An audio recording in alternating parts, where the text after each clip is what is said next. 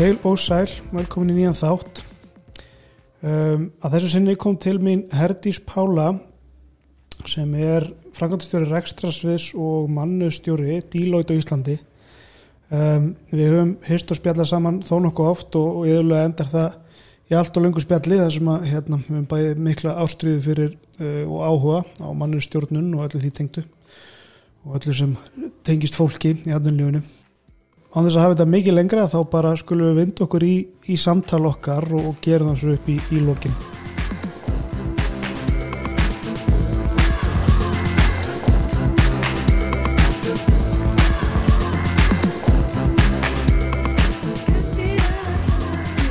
bara, takk fyrir að koma og hitta mig. Gaman að fá þig á skrifstofuna eða öllu heldur stúdióið. Já, takk fyrir að bjóða mér. Segð okkur hérna til að koma okkur annar stað, bara aðeins hver þú ert, hvað þú ert að vinna við og hvernig þú komst þangað. Já, þeirra stórti spurt. Spurt. Herðu, já, ég er sérst starfa í dag sem framkvæmtastjóri rekstrasviðs og mannistjóri hjá Deloitte á Íslandi. Uh, hvernig ég komst þangað, ég er náttúrulega búin að vinna við mannusmál og, og stjórnun með einum öðrum hætti, má segja frá árunum 2000. Uh, hafði grunninn verið mentað með sem grunnskólakennari og starfaði við það í nokkur ár og fór svo til bandaríkinu og tók MBA með áherslu á Human Resource Management. Og ég segi nú kannski svolítið um það hvað ég er ára gömul þá maður ekki að segja það, en sérst þegar ég fór þá var ekki byrjað að kenna MBA á Íslandi. Og nú er annarkur maður komið MBA á Íslandi. Og hérna og það var hérna að vera með meistaragráðu í Human Resource Management. Þeir, ég held að þeir hafa nú verið teljandi og fingrum annara handarar þá sko. Og fleiri voru þá að sko taka vinnusálfræði. Já, og menn ég valdi að blanda meira svona saman business eða sérst viðskiptafræðinni og svo manni stjórnunafræðunum og ég sérst hef notað það og sérst verið í, störfum sem tengist þessu og hafa sérst leikt með þann stað sem er í dag. Þannig að svona, þetta er kannski einfalda útgáfan af, af þessu, þessari leið. þessari já, velferð já. að þessu. Já, en ég var svo sem kannski hérna ég verið tíu ár í fjármálageranum í mannusmálum og, og hérna svo hefur verið í tækningeranum líka og, og hérna og svo núna hjá Deloitte. Já, ég veit að það eru margir sem hafa hlustað á þig tala og þú ert líka búin að vera svolítið ég er svo duglega að tala við, hérna fyrirlestra og koma fram með, með erindi og annað. Hvernig þér í það? hvernig dætt ég það? Já, Sko, ég held að sé, ég held nefnilega eitt af svona grunn elementunum í mér er kennarin já, og hérna enda er ég mentað grunnskólakennari og ætlaði alveg sem bats að ég alltaf ég ætla að vera kennari þegar ég er stór, sko. Þannig ég hef bæði rosalega gaman af að þú veist grúska sjálf og lesa og stútir og pæla og ennþá skemmtilega þegar ég fæ svo miðlaði áfram til annara. Og, og hérna, þannig ég er bara alltaf, ég meina þetta er bara áhugamál, ég er heima hjá mér á kvöldunum um helgar að lesa og taka webinar og eitthvað og, og hérna, og finnst það bara geðveikt, sko. Og hérna, og er svo bara mjög ofta að hérna, taka eitthvað saman úr því og búa til fyrirlestra og halda talarástöfnum og skrifa bækur eða eitthvað slíkt, sko. Og það er eins og segi, ég held að ég er búin að fara í gegnum allskinn svona æfingar og greiningar að sjálfur mér og grunn elementi myndi er alltaf svolítið miðlun eða kennsla, einmitt, áhugavert. Og því sé ég myndi og duglega líka á LinkedIn að deila fyrir þá sem að er ekki að fylgja þér á LinkedIn endilega að gera það vegna þess að, að hérna, út mikið að greinum, út mikið að lesa að mm. mikið að sjá og, og hérna jafnvel því sem á tíma getur farið þess inn á LinkedIn og séð hvað þú ert að læka og kommenta Já, þá ertu komin í jackpot sko. þannig að þú ert gerðilega mjög virk í því að Já, bæði deila og fylgjast með öðrum. Já, já. En ég er nú kannski svolítið leiðilegna það sem ég ætla að segja núna sko, því að ég, þess fólk segir stundum við mig að þú ert svo dugleg. Ok, og ég veit að þetta er að fallegasta sem þú getur sagt við annan íslendingur en sem duglegur. En ég til dæmis þóli það eiginlega ekki. Ok. en það sem er svo oft sagt, þú ert svo dugleg að lesa þú ert svo dugleg að fylgjast með og og mér finnst af því að mér finnst þetta bara vera það sem er algjörlega nöðsynlegt í okkur umhverju í dag að það er að fylgjast vel með. Einmitt. Og hérna því að maður er ekki að vaksa þá er maður að dragast aftur úr. Já, já, og þannig ég hef alla tíð bara verið í þessu til þess að halda mér á tánum og finnst það ekki vera merkjum dugnað heldur bara það að maður sem meðvitar um það að hérna hraðin svo mikill og breytingar svo miklar að maður allar ekki úreldast já, já. að þá þarf maður bara að gera þetta. Einmitt. Ég tekið það tilbaka, þú dugleg. Takk til nei, talandi um hérna uh, vera tannum, tölum að þessu breytingar á vinnumarka það er þetta ofbúslega mikið búið að gerast og þegar við erum að taka þetta upp þá er náttúrulega búið að vera COVID sem búið að sparka all rækil í okkur því að, að breytast og, hérna, og aðlaða okkur að breytum aðstæðum. Hver er svona þín sín á þessar breytingar sem búið að eiga sér stað á, á vinnumarka og þá sérstaklega kannski með fókusun á þessar nýju kynsluður og því að þær eru þetta að koma inn með aðra áherslur, aðra væntingar annars slíkt og, og þá hvernig það hefur áhrif á samkeppnisæfi fyrirtækja? Já, Stór spurning. stór spurning sko. En ég ætla að grípa strax niður þegar þú segir sko þessar nýju kynnslóðir. Já, Af því að mikið af þeim breytingum sem er að verða og mikið af þeim nýju hugmyndum sem eru á vinnumarkaði, þetta er svolítið eignað nýju kynnslóðunum. já, Eh, ég veit ekki hvort sé sammálaði. nei, Ég held þetta snúist bara um að það eru bara yfir höfuð að verða breytingar. Mm. Kanski er það svolítið hengdar á nýju kynnslóðunar að því þær hafi ekki áður verið í neinu annars konar umhverfi. Uh, ég held að við séum með einstaklinga, mm -hmm. af því er nú líka mikil svona einstaklingshyggja, að við séum með einstaklinga af öllum kynnslóðum sem eru að tilenga sér þessar nýju hugmyndir já, já, og ég held að það sé ekki bara sko uh, mér finnst ég að hann oft hugsa líkar heldur, hu- hugsa líkar mörgum á yngri kynnslóðunum heldur en jafnöldurum mínum. Þegar ég er að hugsa um hvernig ég vil vinna og hvernig ég sé framtíðina. Þannig ég held að þetta svona meira með eitthvað shift, einhverju umbreytingur sem er að verða óháð kynnslóðum ok, en þess að ég segi bara því yngu kynnslóðar þekki ekkit annað. Nei, nei, en það sem ég sé náttúrulega bara þú veist að við getum teikt þessa stóru spurninguðina í rosalega margar áttir. mm. Það er náttúrulega tæknin og bara hvernig tækni þróun er. Hún náttúrulega verður til þess ef við erum skinsum og nýtum hana vel já. þá getum við unni mun skilvirkar heldur en áður í að hana langflestum störfum kannski ekki alveg hægt að alhæfa.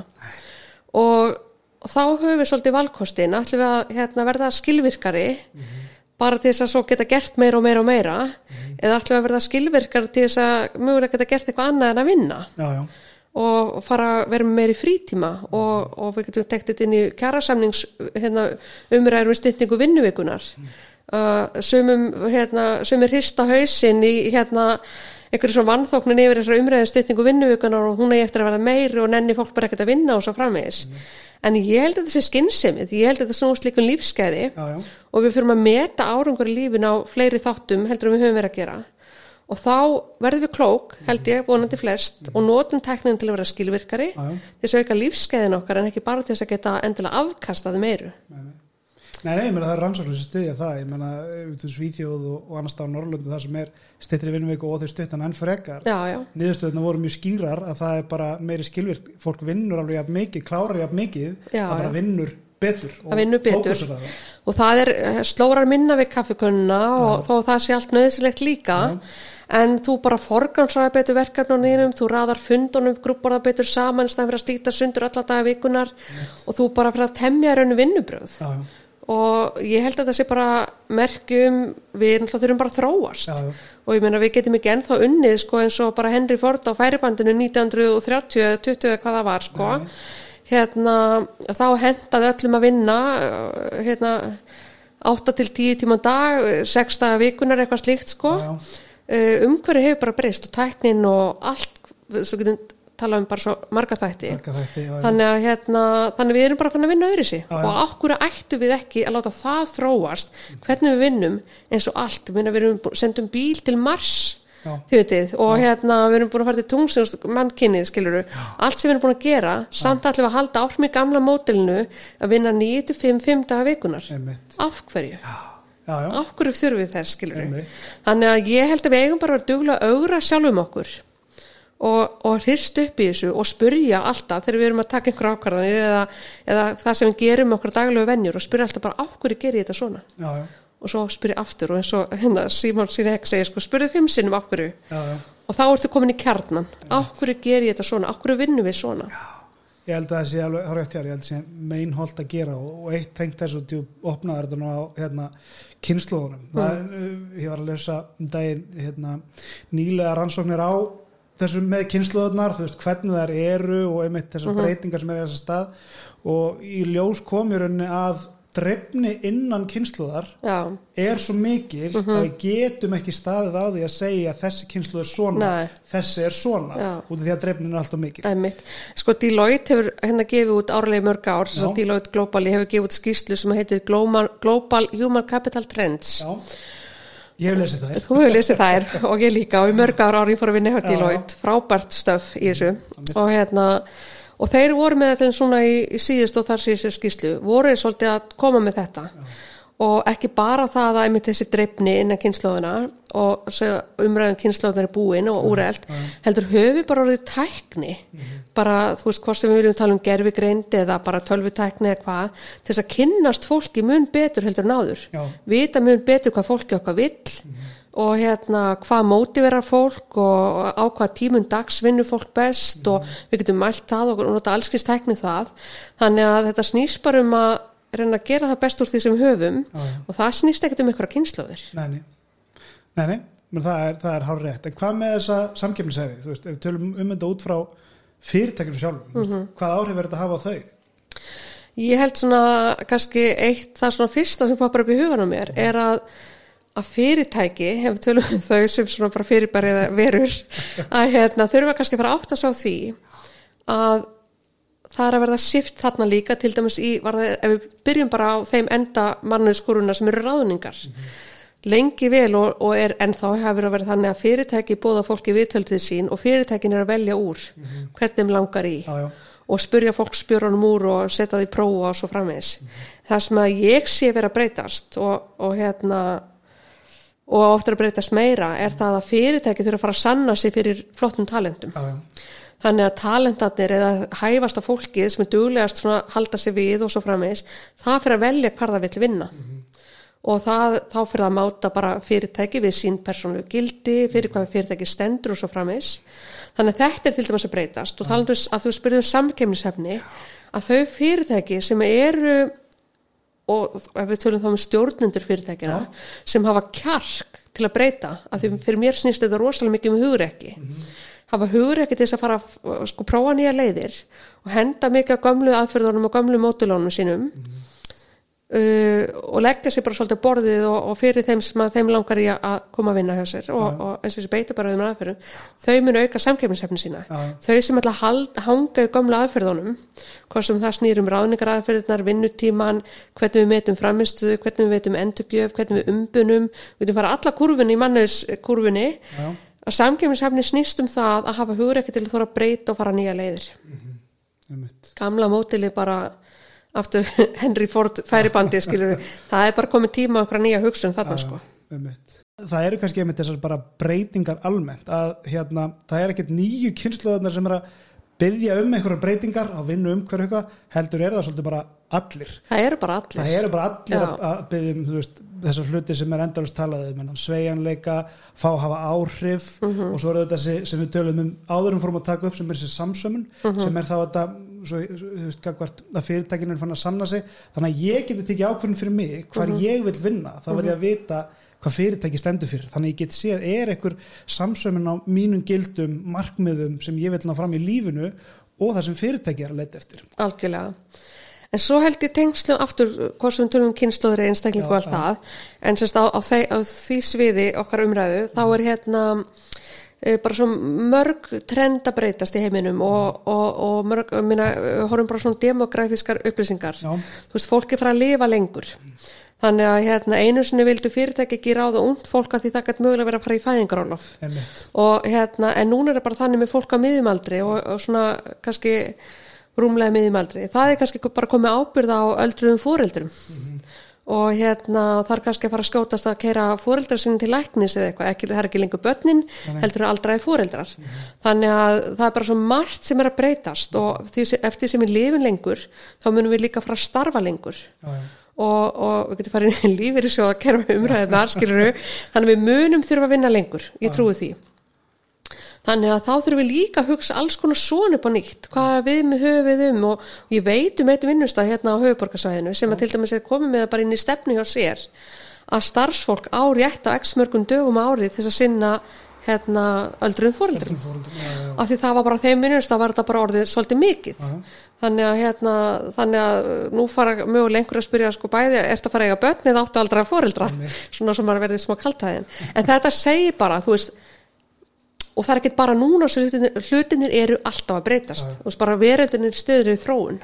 Og þá verðum við bara líka að þróa hvernig við vinnum og hvernig við hugsum og, og við þurfum okkur til ímins að hluta og ég get alveg stundum veist, og mjög ágætt held ég bara í því að gera grína sjálfur mér sko því að ég átti samtal við mannustjóra fyrir örfám árum og við komandi mannustjóri er að segja mér smá, með smá hneksluna tón að gangi svo illar að ungt fólki vinnu því það vil ekki vinna um 80% og vil, það þurfi svo mikið frítíma og ég dett svona með viðkomandi mannistjóri í svona smá nextunar tón og eitthvað svona þetta unga fólk og eitthvað svona. Svo stoppa ég og svo bara hei hei hei stoppum aðeins. Hvað getum við lært af þessu unga fólki? Er þetta ekki bara mjög sniðugt að vera meðvitað um að hafa meiri frítíma? Þannig að hérna, sem betur fyrir náði ég nakkaðan bara sjálfur mér því það er svo, maður er svo auðvelt að detti gamla sko.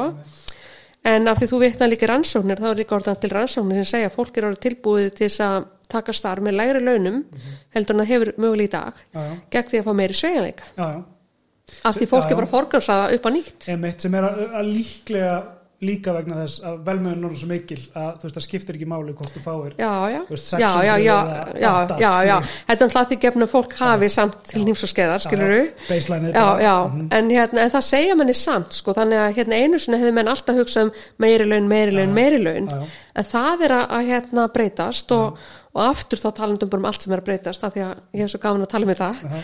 Að, að því ég segi meiri laun og meiri laun að þá hefur líka verið svona gamla mótið er svolítið að fólk sé alltaf að klifra upp einhvern meteorðarstiga komast eitthvað upp, einhvern píramíta að maður getur orðið fundið hérna, allan á þar sem ég er að lesa á netinu mikið að greinum og efnum um hérna, hvernig að klifra niður meteorðarstigan Já, að hérna, hafa hugrekki þegar þú kemst að því að nú langar mér ekki lengur að vera stjórnandi með mannafórðu og alla þessa ábyrð hvernig get ég farið úr starfinu mínu í ábyrðið minna starf án þess að líti út fyrir ég hafi mögur að brunnið út ég hafi gert eitthvað að mér, ég hafi verið rekin sé bara ennþá bara hérna, með fúli fem Já, já.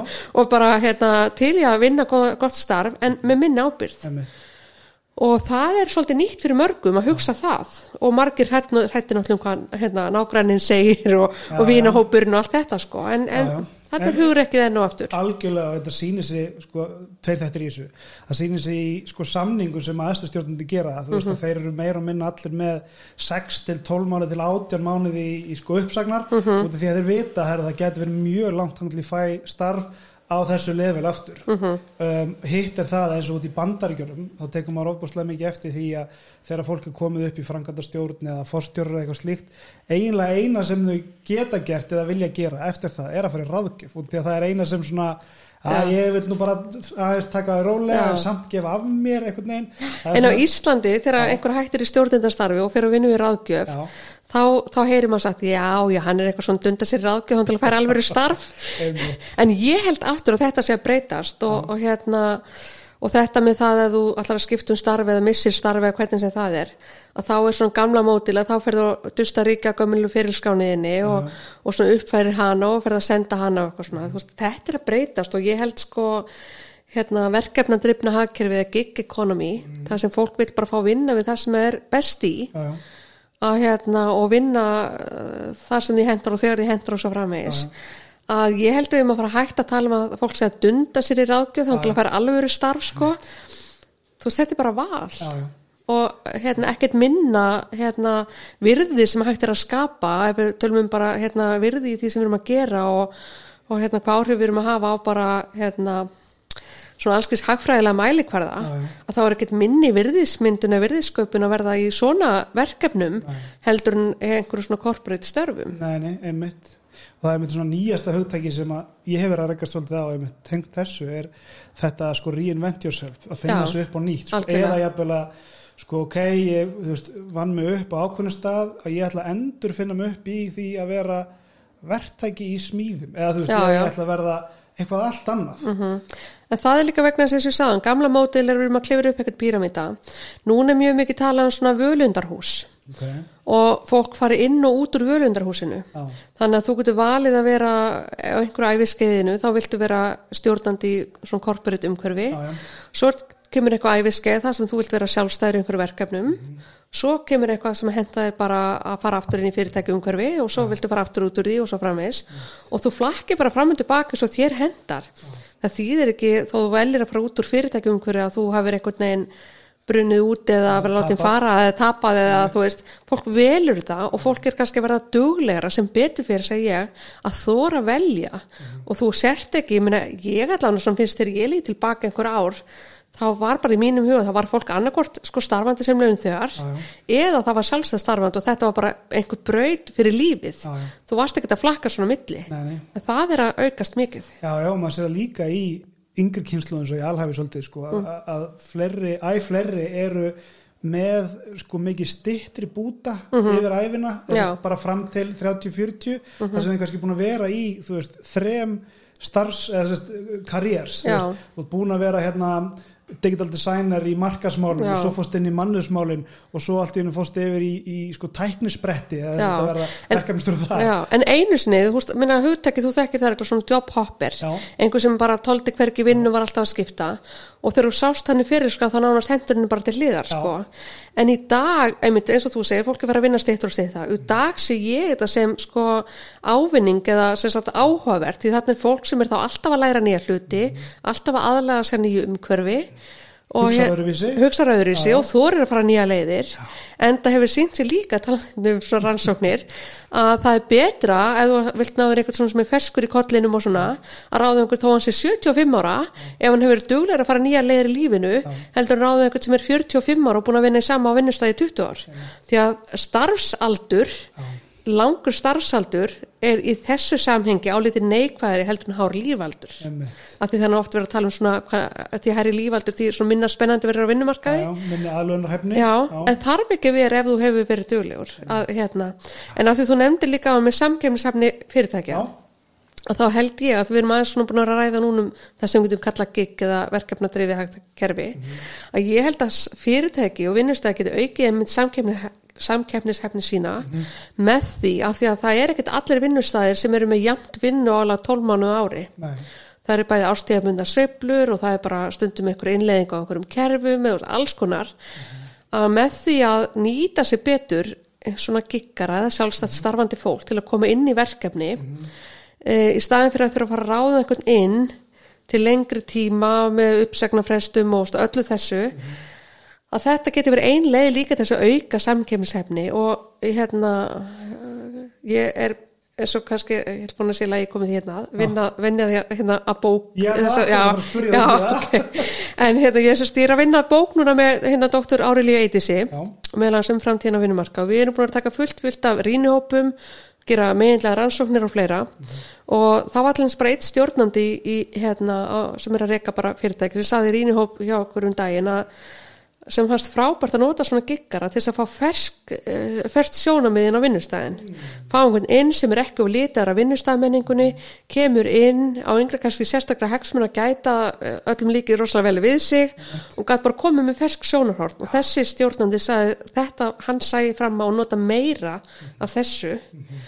uh, og leita það sem bara samkjöfnisforskort fyrir sig að hérna hann var með ákveðin massa sem er bara fastir starfsmynd 12 mánu ári. Mm -hmm. en svo notar hann svona giggara með til þess að bara svona einmitt að tala um aðlögunarhefni og nýjar hugmyndir og allt þetta. Ja.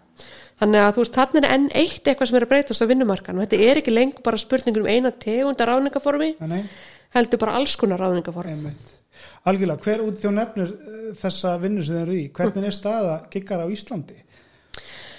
Það er sko, við erum svona að reyna að draga einhver álíktanir, okay. við, förum aðeins fram að sko, það, vit, það er ekki vita, það er ekki tilalmíla tölur í Íslandi yfir til dæmis hverju margir sjálfstætt starfandi okay. eða hérna og því ég er nú í mjög annari vinnu líka í allskishópum og já, já. hérna og, og hérna meðlans fólk sem svona aðlum vinnumarkar eins og svo framvegis að það er ekki tilalmíli tölfræði yfir þetta. En úr þessu mengi og þessu sem við höfum verið að ræða við að hérna þá held ég ekki sagt að staða giggara sé fín okay. og hérna það eru flestir sem við höfum talað við sammálum það að þetta takir svona 2-3 ár okay. að verða svona established sem já, giggari. að koma með portfóljum sem heldur við alveg. Já, mm. vegna þess að hérna, það er auðvitað minna öryggi okay í gamla, gamla skilningnum á öryggi. Ah, sem við segja þessi ennþá meira öryggi og margi gikkar hafa nefnt að þeim, þeir upplifið þessi öryggari sem sjálfstæð starfandi því þeir eru sjálfur að búa til sín taki fyrir sín verkefni. Mm. Heldur um að vera launþauð þar sem þú veist aldrei upp að hverju vinnuvitandin tekur Já. þannig að gamla hugmyndin um öryggi að þú sért öryggari hjá vinnuvitanda hún er kannski aðeins að breytast líka ah, en já, mér, mér, það sem mér heyrist staðgikkar að vera góð mm -hmm. uh, þeir þurfa alveg að hafa fyrir hlutunum já, já. og þetta er ekkert að koma eitthvað selvur fattið þannig nei, nei. en margir þeirra nefna hafa meiri tekimöguleika heldur en sem lögum þegar mm -hmm. þeir hafa meiri frítíma mm -hmm. þeir geta valið verkefni sín mm -hmm. og hvað þeir eru og hvað þeir eru að gera hverju sinni mhm. því það er ju þannig að þú veist að þú ræður þig einhver starf, saman hvort að það er sko grafiskur hönnur eða mannustjóri eða, eða hérna, sölumæður eða hvað það er. Já, já. flest eru, eru þannig að ég veit ekki hvað ég segja 70 til 80% af vinnutímanin með úr teppin. Já. fara í það sem þú ert svona virkilega góður í og hefur virkilega gaman af. Svo þarf alltaf að gera allskis önnur uppfyllingarverkefni með til að fylla upp í vinnutíman Mhm. en þessu lenda giggarar til dæmis ekki. Nei, nei, þeir eru bara farnir farnir að gera það sem þeir þeir eru gaman. fa- farnir að gera það sem þeim finnst er góður í og finnst hafa gaman af. Þannig að hérna þannig ég held að þetta sé vaksandi bæði meðal ungsfólks en líka meðal þeirra sem er konum með reynslu á vinnumarkaði og vilja bara breyta eins og gýr Ég sko, því að ég fylgst með þessari umræðu það svo sem er, því að ég er ekki með gagnasætta bakum en tilfinning mín gagvart þessu að einhverju leiti líka að fyrir einhverjum áru síðan þá var þetta svo mikið hark að þú einhvern veginn verlaði minna eða reiknaði ekki allan, allan pakkan og ég var einmitt að tala við einn daginn sem að bara teiknaði upp fyrir mig kostnaðin eða sérst það sem maður á að vera að byggja um ef þú værir ekki starfsmæður og ber þetta sérst saman, launamannin versus verktakan uh, að þá allt einu bara já, einmitt, þetta er komið svo mikið lengra að vita nákvæmlega hvaða gjöldar sem það greiða, hvað þetta raunverulega kostar, þannig að ég get verðlagt mér rétt, þannig að ég hafi meiri frítíma, ég get bara það sem ég veist gaman. En ég, ég nú allir var komið með smá auglýsingu en, en ég var engra hagsmun að gæta. Nei, þetta er sérst á, á vefnum hjá BHM Já, bandalagi háskólamanna og ég er sjálf ekki í því félagi en, en hérna var bent á þetta um á vefnum hjá þeim er þeir konið með reiknivél ok. það sem að sjálfstað starfandi einstaklingar geta sett bara inn hvað er áallt að selja marga tímamánuði hvað er myndi vilja hafa sem sagt í laun fyrir skatt eða þeir væru launþögar og, og hvort er alltaf borgið sjúkra sjóð og þennan sjóð og hins sjóð þeir bara fylla þetta allt út Já. og þá bara reiknar út fyrir hvað þú ættir að verleika tíma þinn á. Og þá er búið að gera ráð fyrir öllum þessum það sem við vanilega kvöldum launatind Þannig, og þá er það bara komið þetta inn. Já, þannig að þetta er mjög áhugaverð reiknivel fyrir það sem að, hérna, er í þessum hugleiðingum. Einmitt. Svo er kannski hinvikillin á þessu sem að, hérna, er áhugavert að, velta fram sem er, ef við horfum á þetta út frá sko, stjórnendunum inn í fyrirtækinu að það munur þetta í einhverju leiti að vera með kikkara versus launamann er einhvern veginn að fókusin verður svo mikið, herði, ég verð að vera með velskilgjörn verkefni, ég verð að vera með hérna, nákvæmlega hvað er fá útrus og annars slíkt þegar ég er með kikkara út af því að það er svo hvað maður að segja, það er svo mikil pressa á það sko, að ef þú ætlar að fá einn giggara eða fá einn verktaka, þá verður auðvitað að nýta mm já, já, sem er ekki kannski alltaf með hitt, heldur meira að kasta það yfir og við launamannin, þú veist svo verður svo að finna verkefni til þess að fylla upp í tíman Já, ef þú ert ekki með verkefni, þá verður að finna það verkefni. Og þess að hitt er svo mikið skilgrindana niðurnjörfara, þannig að útkoman er líklega nærði sem lagt var upp með. Mm. Pæling. Já, það er pæling og það er líka pæling af því ég bara sjálf hef, bara svona þegar ég lítið minn feril, þá hef ég verið að vinnust að það sem að blanda af verktökum og, og launþegum. Og ég var lengi vel rosalega hörða því að, að hérna, verktakarnir kemur mér ekki við sem mannistjóra uh, ég var bara að hugsa um það sem voru launþegar það er náttúrulega önnu lögjöf sem gildir og ég var eitthvað svona en svo sem betur fyrir vitkæðast ég nú aðeins. Og hérna því það skiptir svo miklu máli líka um hvernig þú svona kemur fram við verktakarna þína og giggarna þína og, og þú, upp, þú leifir þeim að upplega þessi, þessi látur upplega þessi velkomnir og fá að taka þátt og mæta á starfsmannaskemtanir og verið með ölluneytin og allt þetta. Vegna þess að þá er líka líklega að þessi giggarar ef þeir eru flottir og góðir vilji koma þín aftur þegar verkefnin líkur þegar næsta verkefni kemur. Því annars velja þeir bara að fara eitthvað annað. Já, já. Þannig að þess að segja við þurfum að fara að venja okkur við hvað sem við erum mannistjórar, almenni stjórnendur eða bara kikkara sjálfu eða starfsfólk að það er ekkert eitt form eitthvað betri eða rétt en annað. Nei, nei, en hérna það eru allskis, við getum náttúrulega að tala í marga daga um þetta en, en það er náttúrulega líka bara margt í skattalöggjöf og vinnulöggjöf og annað sem að auðvitað, það er munur á þessu. Já, já. en ég held að mögulega þurfa að endur sko ímestegt í reglunum hérna á Íslandi. Uh, bara til þess að einmitt að auka samkemminsefni ekki bara fyrirtæki heldur bara vinnumarkaðinni sér og gagvart útlöndum. Þannig að hérna, við séum ekki alltaf að flækja hluti nú mikið. Ég áttum að það þurfa að vera lög og reglur Einmitt. en það þarf mögulega að endur sko það er bara í ljósi þess hvernig svona hugmyndir fólks um vinnu og vinnumarkað er að breytast. Já, já, já, já, ég meina gefið þarf verið að vera örgar og það Já, verið að vera örgisvellar á þessu en það með heldur ekki vera takmarkandi Nei, og, nei. og í rauninni hérna, draga úr samkeppnishæfi okkar bara sem þjóð út af Mhm. því að það er í dag er það bara orðið þannig að við erum ekkert í samkeppni bara innanlands Nei, nei, við erum með alls konar fyrirtæki sem geta komið hingað um sínir sko. Ég verður náttúrulega líka bara að fólk getur búið á Íslandi en starfa fyrir Google eða hvað sem er skiluru og hérna og, og jafnvel fari og vinna erlend, þú veist það eru allskis Alls flytir á þessu. já. og við getum talað um það í marga daga. Algjörlega, ég ætla hérna að skipta um gýrin samt ekkert endilega algjörlega kúvending sko, Mm. út frá því að við erum að tala um uh, sko þessa giggara. Og, og eitt af því um, sem er auðvitað frábriðu því þegar þú ert að velja þér giggara eða Mhm. verktaka inn í ykkur verkefni versus það að ráða launamannin er að oftar en ekki þegar þú færð inn verktakan að þá ertu raunverulega bara að skoða portfóljuna sem við komum með af verkefnum Mhm. undir beltinu. Þannig að þú ert í rauninni að skoða bara framistöðu þeirra í verkefnum sem þau bára á, það er svo mikil svona, við getum sagt, það er svo mikil gagsæði í því. Já, versus hitt er, er svo mikið bara ég fæði inn og ég þarf einhvern veginn að skilja þetta, þessu flóknu sögu sem þú ætlar að segja mér sko. Já, já, hvað þú hlut af, hvað þú gerðir hver bara ákvæða hverðu og allt það. Um, ráðningar. Um, dílót gátt skýslu um, um þetta og svo hvernig það er verið að fara hérna uh, færa sig frá því að embæta sér að fyrir reynslu og mentun segðu kannski aðeins frá því og, og Já, þetta kemur meðal annars lík, kemur líka inn í skýstunni sem ég nefndi á þannig Human Capital. Trends sko. Að hérna já, við höfum verið svolítið föstið því að horfa á þú veist hvað prófgræður ertu með. Mm Mhm. Á þess að mæli endilega lærður eitthvað, þú veist að því það er alveg að ná sér elskis prófgræður sko. Já, já. og hvað, hvað hefur unni áður og hvað hefur gert áður? Mhm. auðvitað vitum við að fyrri reynsla er oft gott forspá, góð forspá um komandi framistöðu það er vísbending. Það er vísbending allavega. En hérna já þeir, þeir sagt í skýslinu koma svolítið inn á þetta að því að það er bara einmitt hérna, við munum vinna allt öðris í framtíðinni.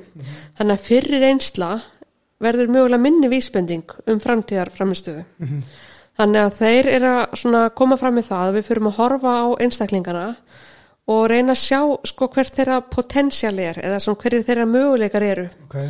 Leggja fyrir þá allskis próf og, og láta að leysa verkefni og sjá bara hvernig fólk nálgast verkefni, hvernig fólk vinnur saman og svo framvegis og svona hugafar og, og svona seglu, úthald og fleiri þessi þætti og það segir eitthvað um potensialið eða getuna, möguleikan í þessum einstaklingi og því hvort hann með einhver tilteknum prófgráðu eða hafi starfað einhver staðar í svo sömur gár sko. Auðvitað þetta aftur kannski ekki alveg einfalt eða auðvelt en hluti þurfa, þurfa heldur ekki alltaf að vera einfaldir eða nei. en ef þetta, ég held að við getum mögulega oft fyrirtæki verið að missa af flottum einstaklingum af því þeir tekja ekki einhver Xbox já, já.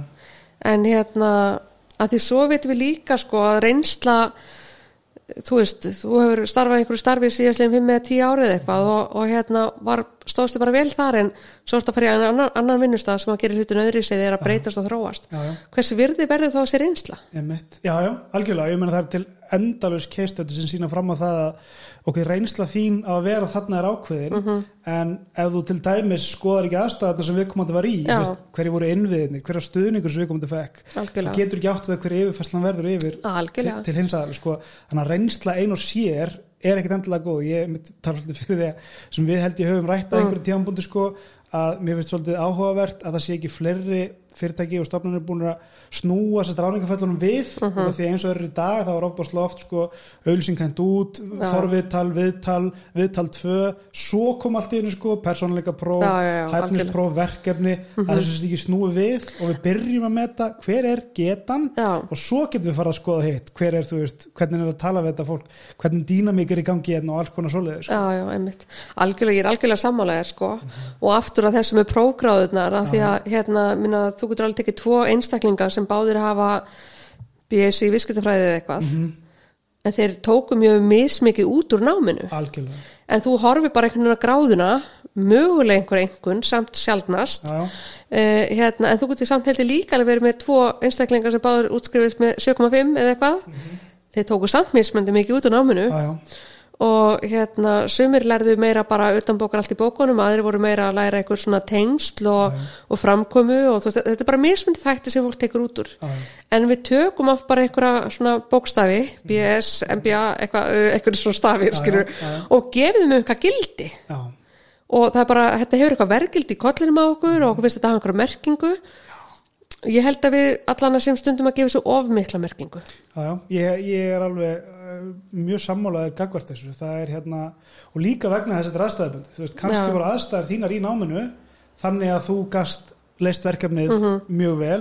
Um, þannig að fyrir utan það að einhver hafa nú talað um það sko að, að sérstaklega í þróunu sem sko háskólanám hefur þróast er Mhm. það að þegar þú ert búið með þetta þá sýnir þetta bara hvað þú ert góður í akademíinu en ekkert hvað þú ert góður en að nota þetta í praktík og allt það sko. Svo ég, sko ég, og ekki miskeli mig, ég er talsmennski þess að fólk menti sig. Og hef mentað mig sjálf og gett börni minn til þess og svo framvegis sko. Þannig að ég held sko að það að fara í gegnum nám, hversu stutt er langt sem það er, þú læri líka ákveðin vinnubröð og ákveðin hegðun og svo framvegis já, sko. Þannig að I'm all for, þú veist að fólk menti sig, en við meðum bara ekki gefa því meira vægi heldur það raunverulega gefur. nei, nei, Af því sérstaklega, kannski það sem að, hvað skiptir máli til að árangri nútíma vinnuumhverfi, það er meðal annars samskiptahefni uh, hérna ákveðin svona geta til tengjast fólki, byggja upp traust og fleira og þú fær það ekkert endilega út á námi, þú veist það geti verið en þú, þú, þú er aðeins kafa í það og spá í það sko. já, já og þetta, það sem hún lappar inn í vinnan eða verkefnin sem þú ert að vera að taka stáfið eru þetta líka fjölbreyttu aðstæðabundin þú veist, það getur já, bara já. gefið þér að, Nei, að nei. geti en, en þetta er ákveðin kannski vísbending. Við getum kannski orðað það þannig, það er ákveðin vísbending um hversu flókin vandamál þú hefur sett inn í og, og allt það. En, en þú veist, minna, ég segi nú oft þessir bókstafir og þessar gráður sko, ég líkis oft við likla og likla kipu já, og ég segi við börnin mín sko, því fleiri likla sem þið fá að likla kipuna, því Já. fleiri dyr getið opnað einmitt. en það er eitt að geta opnað dyrnar að einhverju svo þarf maður að sanna sig þegar maður er komin inn fyrir sko. Já, já. þannig ég segi, jú, náu ykkur í gráður og fleiri gráður og allt það og fáið fleiri likla en það bara, það, það opnar dyr en ekkert endilega meir en það Nei, nei. Það er mjög, mjög hérna, góðu punktur. En hérna, ef við kannski vindum okkur aðeins úr, úr ráningum Mhm. e, yfir í tækni og mannesmál. Það er hérna, hefur auðvitað fleitt fram tækninni síðustu tíu árin og en mögulega kannski er ekki að, að skila sér fyllilega inn í mannes umhverfið. Mhm. Hver er svona þín sín á þetta og, og hérna um, hvar sér þið fyrir þér þessi svona ónýttu tækifæri í, í, í mannesmálum og tækni? Hvað hefur marga daga, segir Já. í þetta spjall. Mér sýnist ég eiga hérna 20 klukkundar pluss á kortinu, þannig að kýlum á það. Já, heyrðu, sko Akkur erum við ekki fann að gera þetta meira var spyrir ekki að því eitthvað jú. Já, sko ég, auðvitað eru náttúrulega mannis fólk eins og annað fólk, þú veist, það er bara að læra. Og það er kannski ekki allt tæknumentað þannig að mögulega er einhver ótti við þetta. Uh, eða skortur á resource sem að geta keft sér bara aðstóð við að læra á þetta eða setja þetta upp hjá sér. Uh, svo vitum við náttúrulega líka að tæknir er heldur ekkert óskeikul og ef við tökum kannski það sem dæmi sem flestir nota þegar við tala um tækni og manninsmál að það er að nota gerfigrein til dæmis þess að le- lesa í gegnum umsóknir að við vorum að tala um ráðningar hérna áðan uh, hljómar rosa vel sko en, en gerfigreindin er, hún getur nú bara verið ja, vitlis og svo sem sett hann upp sko eða þess að þessir algoritmar það þarf að huga því að það sé engin svona bæja sér í þessu og svo framvegis. En ef þetta er vel gert þá getur þetta alltaf spara ótrúlega mikið tíma. En þú kannt mögulega þurfa einhverja aðstofi að setja upp mögulega fjármagn til að kaupa eitthvað og svo framvegis. Þannig það er nú held ég kannski ástæðan fyrir að við erum ekki lengra komin. Og svo fyrir utan það kannski hérna smæðin hérna í Íslandi að við okkur finnst við einhvern bara þekki alla og einhvern veginn geta fundið út úr þessu sjálf sko. En hérna þannig að gerfigreindin er eitt og hvernig hún út á hana? En svo er það líka sem er kannski annað forma gerfigreind en það er bara öll þessi sjálfvirknivæðing. Já, og mjög algengt til dæmis í mannusteildum að það er oft er að senda út alls konar posta við sendum út hérna, þannig að flest fyrirtækjaldi með það að þú fara automatist svar þegar þú sækir um í gegnum heimasíðuna. Eitthvað svona sem er oft bara gegnum ráningakerfið svo kannski er sendur ykkur post eftir bóka einhverja ráningu, viðkomandi byrja kannski ekki, hefur ekki störfin eftir x tíma þá sendur hún post eftir einhverja daga einhverju gögn til að lesa eða eitthvað. Og þú þarft að muna svolítið að gera þetta. Þetta er kannski staðlega postu til þess að gera og þú þarft svolítið að muna þetta staðan fyrir að geta bara látið hérna róbóta gera þetta fyrir þig sko. Eða við sendum út nýliða kannanir eða starfsloka kannanir, við erum ofta að senda út bara alls konar. Já, og við erum að gera þetta rosa svona manuali þetta á að vera hægt að setja upp og láta bara sjálfvirkni væða. En ef þú hefur ekki þekkingar sjálfur við sjálfur þá þarftu aðstóð Já, já, þá kemur aftur, bara hefur hugur ekki til að þóra viðkenna og kunnir þetta ekki. Nákvæmlega. hefur resursana, annarkvort einhver innan fyrirtæki sem getur hjálpaði með þetta eða resursa til þess að kaupa þess aðstóð en ég held að þú veist við getum auki gæði og skilvirkni mjög mikið í því hvernig við vinnum mannesmál bæði fyrir sko starfsfólki sem vinnur í mannestildinni já. en líka fyrir viðskiptafinni þeirra sem er þá starfsfólkið uh, umsækjendur, fyrirverandi starfsmenn hérna bara allir Já, já, og þetta getur hjálpa líka til við að búa bara til góða upplifun. Að hérna hlutinir eru bara í svona góðu ferli og þetta virkar en að því við erum bara öll breysk og það getur eitthvað gleymst og fallega melli skips og bryggju og allt þetta. Þannig að ég held að við getum gert miklu betur en mm, íslensk fyrirtæki eru nú flest lítil og flestar manninsdeildir eru skipaðar einum einstaklingi. Þannig að algengast á Íslandi, kannski tveimur.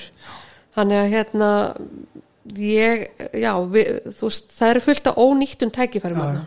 En það er kannski út í nefnir þetta með sko flesta mannustöldur eru tiltölulega litlar Mhm. með þess að það sem eru stærri fyrirtæki þá er þetta samt lítið hlutfalslega Já. þannig að hérna maður, maður hefði haldið að vegna þess að það eru svona fáir að það myndi gefa sko auga leið rekstralega skilvingslega Mhm. að segja ok, ef ég set nokkrar miljónur í þetta hérna Mhm. að þá er ég að fara að fá mikið betur þjónustu út úr þessum sérfræðingum Mhm. inn í gegnum tréð en, en það verðist samt ekki sko skila sér sko Nú- sem er, er kannski bara þetta svona sem er auðvitað bara í kaupum á langt flestu að ef að sko fyrsta greiðslan er ofbúrslega stór þá svona, að er þið býðum aðeins með þetta Já, já, já.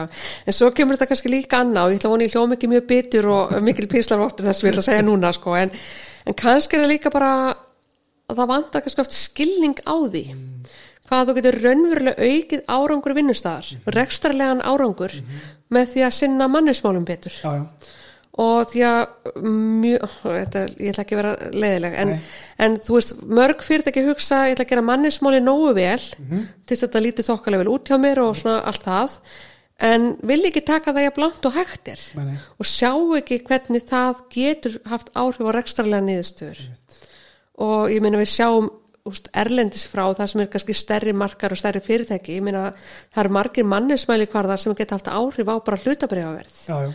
starfsmannavelta og að fjárfestar sem er að skoða hérna, kauptækifæri, þeir skoða svona við þekkjum öll að gera due diligence og þeir gera svona mannuðist due diligence. Einmitt. hérna líftími eh, starfstími stjórnenda, starfsmannavelta starfsána í allskins þess áttar að þetta hefur áhrif á hversu áleitlegu fjárfestingakostu fyrirtæki er. Já, já. Við erum ekki alveg komin þarna held ég hérna í Íslandi. Ég held að við séum svona, oftast er við gerum due diligence á fyrirtæki þá erum við ekki að gera sérstakt mannöðs due diligence. En hérna áræðanleika könnun heitir þetta á jú, íslensku já. fyrir gefiði. Þannig ég held og ég ætla ekki að vera ofan í sig vælgu mikið en ég held að vanti bara oft nóg mikið skilning á við erum að gera mannismál nógu vel já, já. en við getum gert þessu miklu betur. Já. Sko það sem mér dettur í hug og hérna þegar ég hef rætt við til dæmis aðeila um, á öðrum sviðum, þú veist eins og bara hérna þetta nýjasta sem er í kringum þessa byltingu á þjónustu og annars slíkt að, að það sem að þeir lýsa í þessum umbóta ferlum sem þeir eru í að þeir hafi loksins fengið sko hljómgrunn og skilning að það er þeir fóru að láta tölun að tala. Já, þú veist, um leiður fór að rekna sér bara í gegnum þetta allt saman, sko, þú veist, bara einmitt þess að þú ert að segja, bara hvernig ég get sínt fram á að þetta komum bara beint niður í vasan á eigendum eða, eða hérna þeim sem stýrir þessu, að þá allt í hennu bara, já, herðu, ok. Herðu, eðum þessum þreim miljónum, bara eftir hverju eru að býða það, já, já, einmitt.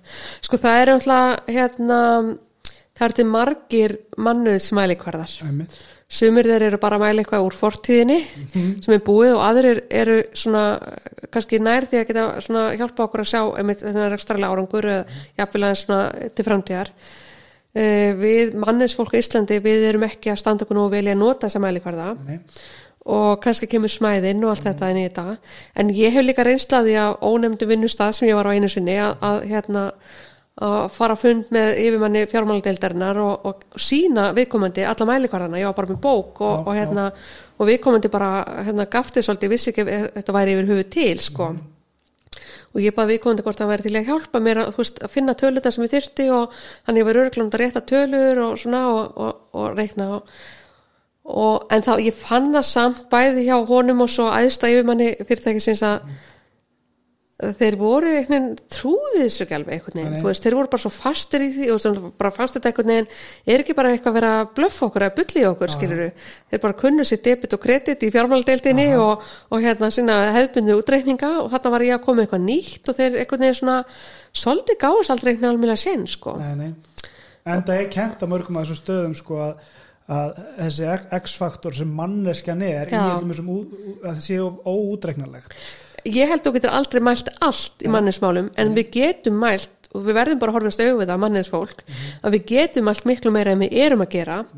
Og, og svo held ég líka marg, margt manninsfólk sé að mæla alls konar fyrir sig til að átt að sig á hvað er að gerast. En þetta er ekkit endilega tekið inn í hvað sem við segjum áskýsluna eða inn á framkvæmdaráðsfundina eða hvað það er sko, framkvæmdastjórnfundi þannig að aðri stjórnendur eru ekki að horfa eins mikið á þessa mælikvarða. Nei. Þannig að ég, já, ég ætla að vona að þessi ekki að væla á mikið en við getum einhvern veginn, við þurfum einhvern veginn að opna augu fleiri fyrir því að mitt hvað við getum mælt og, og hvað það er að segja okkur.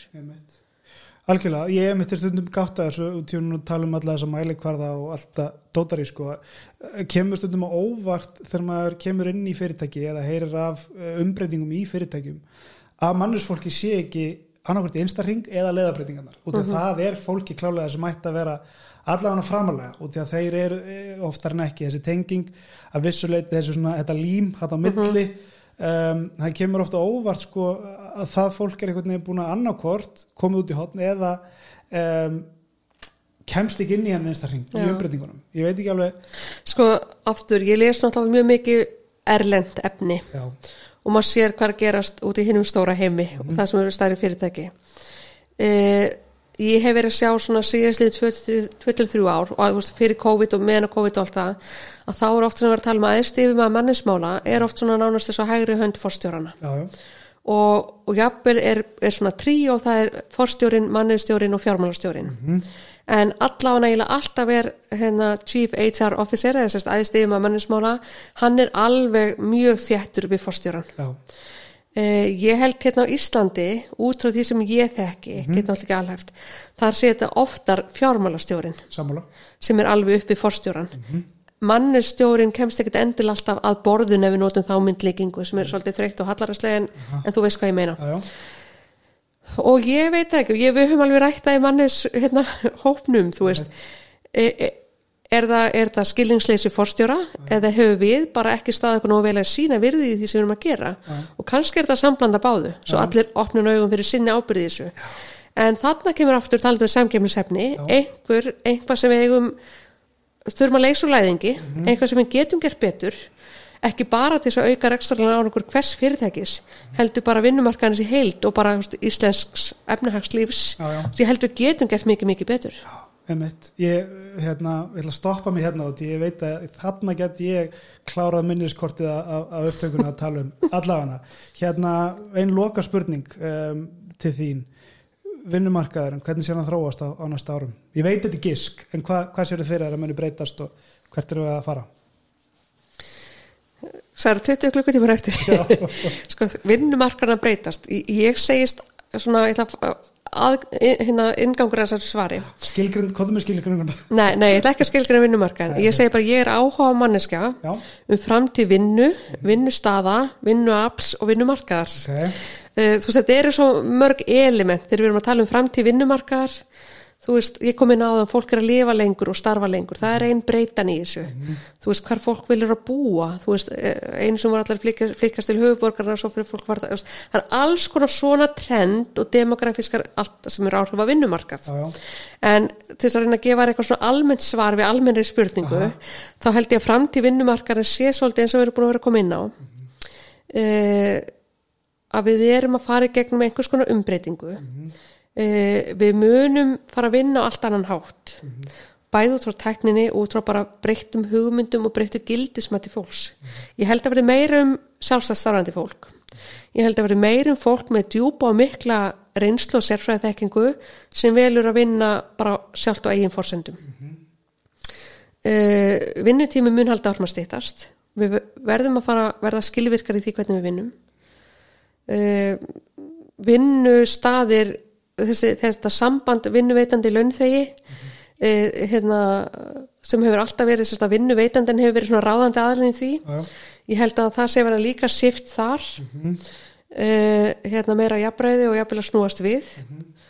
Og en eitt af því sem ég hefur oft talað um og óttast pínu lítið með framtíð vinnumarkaðar bæði hér á Ísland og Erlendis og ef við tala bara um Ísland ég óttast að á næstu árum myndist þetta gjá á vinnumarkaði sem verði þannig að þeim fjölgar sem að ná ekki að halda í við breytingarnar mm. ráð ekki við störf framtíðarinnar eða verkefni framtíðarinnar. Þannig að ég óttast að atvinnuleysi minu aukast. Á sama tíma okkur vantar heft fólk já. sem að kann á verkefni fremtíðarinnar og aftur vitnaði í Deloitte skýsluna e, þeir gerðu rannsókn einmitt og þar sögðu mjög stort hlutall stjórnenda að mjög stort hlutall þeirra starfsfólks þyrfti að fara í svona gegnum rískilling eða bara algjörlega endur nýja hæfnisett sitt e, og á næstu 3-5 árum það myndi þurfa algjörlega nýtt hæfnisett frá deginum í dag. Svo var þau spurðir, ok, hvað eru margir ykkar eða mörg ykkar farin að setja aukinn tíma eða fjármagn í þetta rískilling það var mjög lítið hluti og meðan það er mjög lítið hluti sem setur aukinn tíma og fjármagn í að endurmenta fólk. Og þá segir líka til einstaklingana einstaklingar þurfa sjálfur líka að fjárfesta í sér og vinnuveitundur líka. Að meðan við setjum ekki aukinn tíma og fjármagn í þetta að þá erum að búa til hægt og stærri gjá til framtíðalitið því við vitum að störf og verkefni framtíðarnar verða ekki eins og þau eru í dag. Nei, nei. Þannig að þú veist, ég veit að þú ert að taka svo marga vinkla og sva- svari við þessar spurningu þína en þannig að það, ég, við erum bara að sjá einhverja umpólun, einhverja breyting einhverja transition á vinnumarkaði bæði út frá einstaklingunum, út frá fyrirtækjunum. Og, og eins og ég segi, þú veist, við erum lítið hagkerfi hérna í Íslandi, við höfum til dæmis ekki efni á svona gjá. Þannig að ég myndi svona skora á alla bæði einstaklinga og vinnuveitundur að fara að setja meiri tíma og fjármagn í þetta rískilling já. Og það hefur kannski sjálf að verið auðveldar en dag, þú getur, þú getur farið á ókeipis hérna, fræðsla á internetinu. Það sem eru bara internetinu, það hljóma mig gamdags hérna á netinu. Já. það sem eru bara hérna, prófessorar frá virtum erlendum háskólum að kenna. Þú getur gert þetta ókeipis en þú þarft að setja tímaðin í þetta. Já, já. og þú þarft að klára þetta. Og þú þarft helst að hérna, klára þetta þannig að þú fáir einhvers konar hérna, útskrift á því þú hafa klárað þetta. Til þess að safnaði líklum að líklakeipuna Einmitt. en þú veist það að velja að eigða öllum kvöldum, öllum helgum frekar í hérna horfa sjónvarpið að vera á Facebook heldur en taka einn einn svona webinar þá ertu bara svolítið að hérna dragast aftur úr. Já, já. og vinnuveitendur sem að sjá ekki fjárfestinguna og bókaldsreglur segja okkur það að peningu sem fer í þjálfun hann er bókað sem kostnaður og ég myndi vilja að hann væri bókað sem fjárfesting að þið verum að fjárfesta til framtíðir í nýri þekkingu. En meðan við aukum ekki þennan kostnað eða lítum ekki á þessum fjárfestingu þá erum við auka líkur á þessari gjá. Þannig að mér finnst þetta smá skeri þegar ég spá í þetta. Ég, ég get verið sammálaður um að, að þetta er skeri og þetta er, það eru líkur á því að þetta gerist eh, hérna, eins og ég sé þetta fyrir mér að þá sé ég þetta fyrir mér sem tímabund ástand, þú veist, ef við gripum ekki inn í þá mun koma þetta ástand þar sem við erum allt í einu í stað þess að borga þetta hægt og rólega, þá allt í einu þurfum við að fara í stóran útlagan kostnað Já. á þessu. Þannig að á endanum er það auðvitað sko, uh, ef að atvinnureikundur sjá það ekki núna þá sjá þeir alveg pottjett Þegar þegar, þeir get ekki fundið þetta fólk og þurfa allt í einu bara að gera eins og var gert með hérna, vörubilstjóra hérna, fyrir einhverjum árum að, og bara fólk til þess að vinna á lifturum og öðrum vélum þar sem allt í einu bara herðu, við erum ekki með nóg þessu fólki, núna allt í einu þarf ég að rétt upp hend og segja herðu, mér vantar eiginlega bara eitthvað sem er duglegur, ég borga vélavinnunnámið, ég borga veist, en það er líka bara ofbóðslegur stór útlöðu já. í einum já. þannig að hérna, fyrir mér er þetta svolítið bara svona annarkvort gerum við þetta smá og smá Mhm. og ráðum við þetta eða að þetta er bara make or break Já, eftir einhver ár sko. já, já. En þetta er svo svona eina gæsar bara skrýtlan eða kvóti sem er hægt að finna á netinu þar sem að fjármálastjórin spyr forstjóran hérna, hvað er við erum alltaf að hérna, setja ykkur pening í fólki okkar og svo bara hættir það og fyrir ykkur annað? Já, já. og þá svara forstjórin hvað er við setjum ekki pening í fólkið og það verður hérna áfram?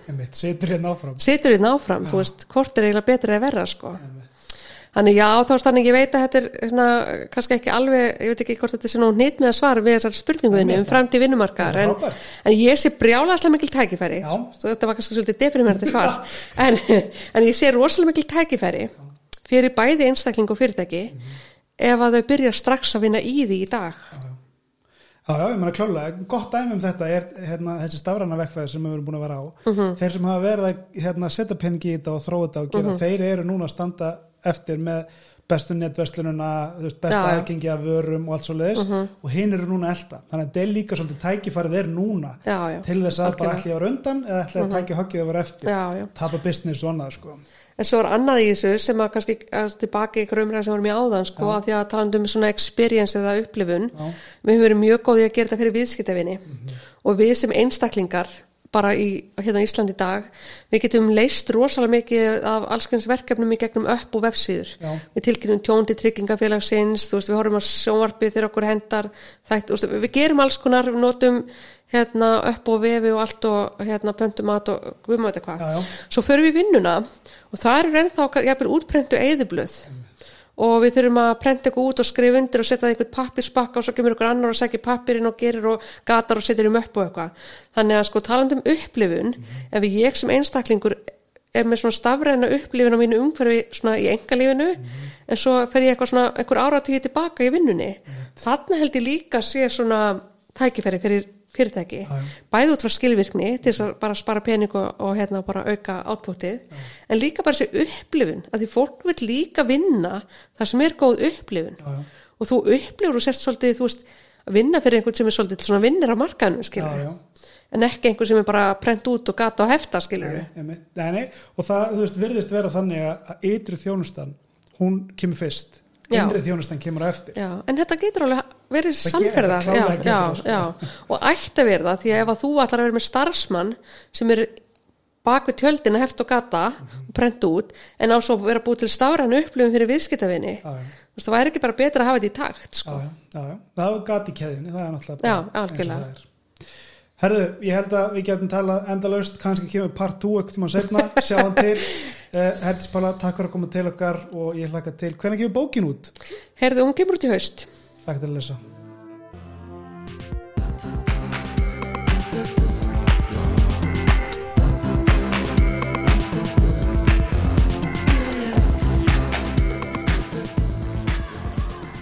Já, heldur betur farðum viðan völl. Uh, rammin að þessu sinni var nokkuð nokkuð hérna þröngur og, og, og vel skipulaður og að, gefnu við, við oft fengi okkur kaffi og, og þá erum við oftar en ekki um viðan völl og, og tölum allt á lengi. Þannig að hérna við komumst frá þessu ágætlega án þess að fara langt yfir tíma mörg.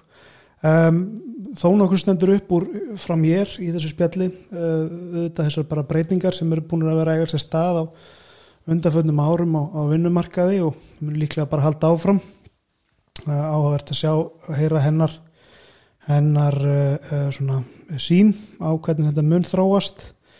Ég hlakka sjálfsögðu mikið til að, gluggi í þessa bók þannig að loksins kemur út hjá þeim um giggara eða, eða verktaka í íslensku atvinnulífi. Um, ég eins og segi hérna í, í lokin það geti bara vel verið að við fáum hann aftur til að spjalla um þessi mál eh, þar sem við brennum bæ, bæði fyrir, fyrir þau ansi mikið um, ég vil þakka Herdísi Pálu fyrir að koma og taka tíma og spjalla við mig uh, á samt þér hlustandi góður fyrir að hlusta ef það eru þetta eitthvað sem að brennur á þér hlustandi kæra þá bara endilega skjóttu ákulínu á, á LinkedIn eða bara í tölupósti og, og hérna við gerum okkur best að svara og, og þá sérstaklega það hefur hugmyndir eða eitthvað sem þið viljið koma framfæri varandi þáttinn. Takk fyrir.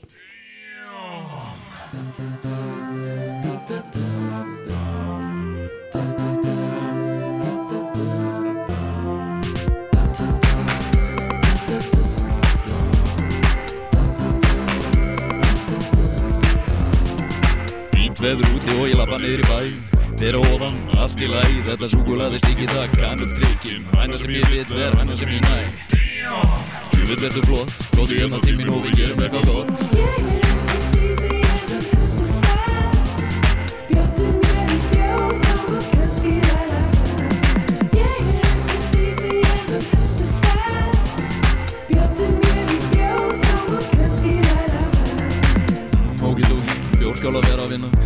er til að fá þig til að svitna. Byrjaður að hitta hana Virkar alltaf vel að flexa pínu vöðana Segir við hana, búin að snúa stugur Eins og Fred Astaire Læti ganga á kaplónum Gef mig parkett fermetru og ég steppaði úr fötónum